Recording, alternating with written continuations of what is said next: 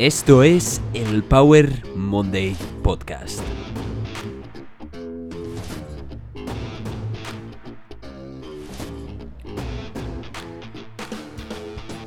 Bienvenidos al Power Monday Podcast, soy Pau, tu apasionado de fitness, motivación y ciencia. Esta semana te traigo un episodio un poco express, pero no por eso va a ser un episodio menos importante, vacío de conocimiento, sino que va a estar cargado de información importante que espero que te ayude a empezar tu semana con muchas ganas. Así que vamos a empezar.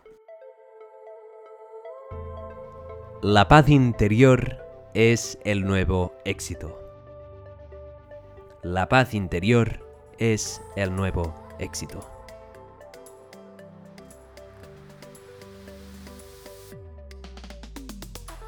Muchos viven obsesionados con encontrar la felicidad. Creo que la palabra felicidad a menudo se utiliza demasiado y con un significado equivocado, porque vinculamos únicamente felicidad con el éxito en el sistema en el cual estamos.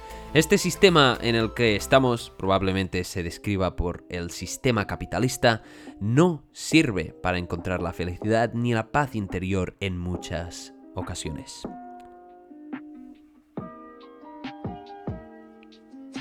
De este modo, mucha gente espera que la felicidad llegue cuando consiga cierto objetivo, como seré feliz cuando tenga mucho dinero, seré feliz cuando me case, seré feliz cuando tenga hijos. Al fin y al cabo lo que estamos haciendo es retrasar nuestra propia felicidad y olvidarnos de vivir el presente. Yo creo que la felicidad no es un destino, pero tampoco es un camino. Muchos dicen la felicidad no es un destino, es el camino. Pero en realidad la felicidad, en mi opinión, viene y va. La felicidad fluctúa. Y es que todos encontraremos problemas, incertezas, dolor, sufrimiento y muchas otras cosas que nos putearán en nuestra vida, en esta vida. Creo que es esencial encontrar la paz interior en todos los procesos, tanto en los que te hacen feliz como en los que son dolorosos. Aceptar completamente que hay cosas que no puedes modificar, hay cosas que no dependen de ti y aprender a disfrutar del proceso y en centrarte en ti sirve para encontrar la paz interior.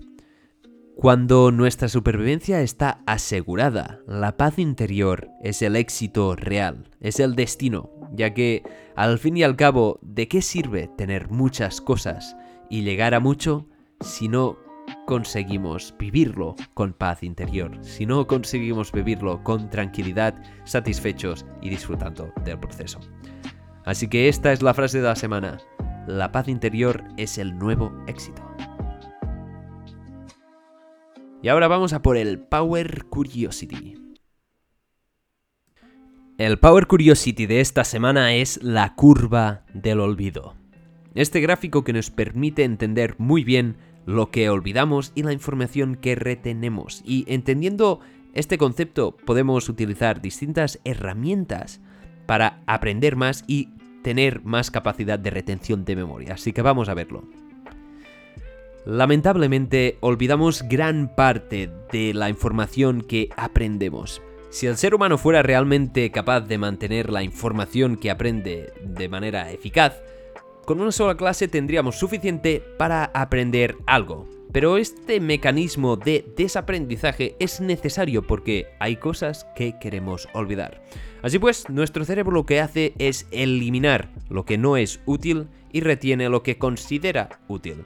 ¿Cómo lo hace esto? Pues bien, lo hace básicamente con dos factores. La repetición, porque si se repite es que debe ser importante, y la intensidad emocional. Por lo tanto, lo que ve la curva del olvido, este gráfico, no es ningún misterio, y es que cuanto más repasas, más fixarás tu memoria y la curva se va a aplanar. Es decir, esta curva lo que vemos es que cuando estudiamos es cuando tenemos más retentiva de memoria. A lo largo del tiempo, cuando pasan unos días, vemos cómo vamos perdiendo cantidad de información que retenemos y si volvemos a repasar, podemos volver la información hacia arriba y se va diluyendo. Te dejo un enlace para que eches un vistazo a este gráfico y lo entenderás mucho mejor. Lo que nos demuestra esta curva es que es mucho mejor hacer muchos repasos que estudiar solo una vez de manera intensa. Es decir, es mejor ser constante que empollar. Vaya sorpresa. Esto, aunque no lo parezca, nos va a ahorrar tiempo total y la calidad y cantidad de información retenida será mucho superior. Como siempre, la intensidad a corto plazo es peor que la consistencia a largo plazo. La intensidad a corto plazo jamás podrá vencer la intensidad a largo plazo. Pero para retención de memoria hay una excepción, que es lo que decía de la intensidad emocional. Nuestro cerebro es capaz de retener mucha información si vinculamos una emoción muy fuerte a cierta situación o a cierto conocimiento. Por lo tanto, no depende solo de cuántas horas y cuántas repeticiones pongas, sino la intensidad y lo que significa a nivel emocional para ti. Por lo tanto, si estudias algo que te apasiona de verdad, vas a encontrar mucho más fácil retener esa información o cualquier momento en el que sea un trauma o una emoción muy fuerte de felicidad, vas a retener esa información y esos momentos mucho más tiempo sin necesidad de volver a estudiar o de volver a repasar qué pasó en ese momento. Por lo tanto, repetición a largo plazo y intensidad emocional.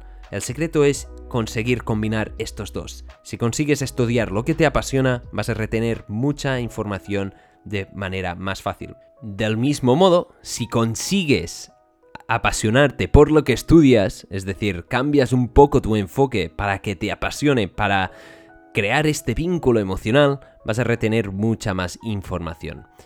Y esto es todo por este episodio. Te dejo el gráfico en la descripción de este episodio, así que échale un vistazo. Muchísimas gracias por haber escuchado este episodio express. Espero que hayas sacado muchísimo valor de él o hayas aprendido algo. Recuerda, si te ha gustado, por favor compártelo, déjale algún me gusta, envíaselo a tus amigos y si tienes alguna duda, alguna pregunta, no dudes en contactar conmigo a través de las redes. Me puedes encontrar en Instagram como Power Monday Show. Muchísimas gracias por estar ahí, te deseo una semana llena de conocimiento y de retención de memoria. Nos vemos en el próximo episodio. Chao.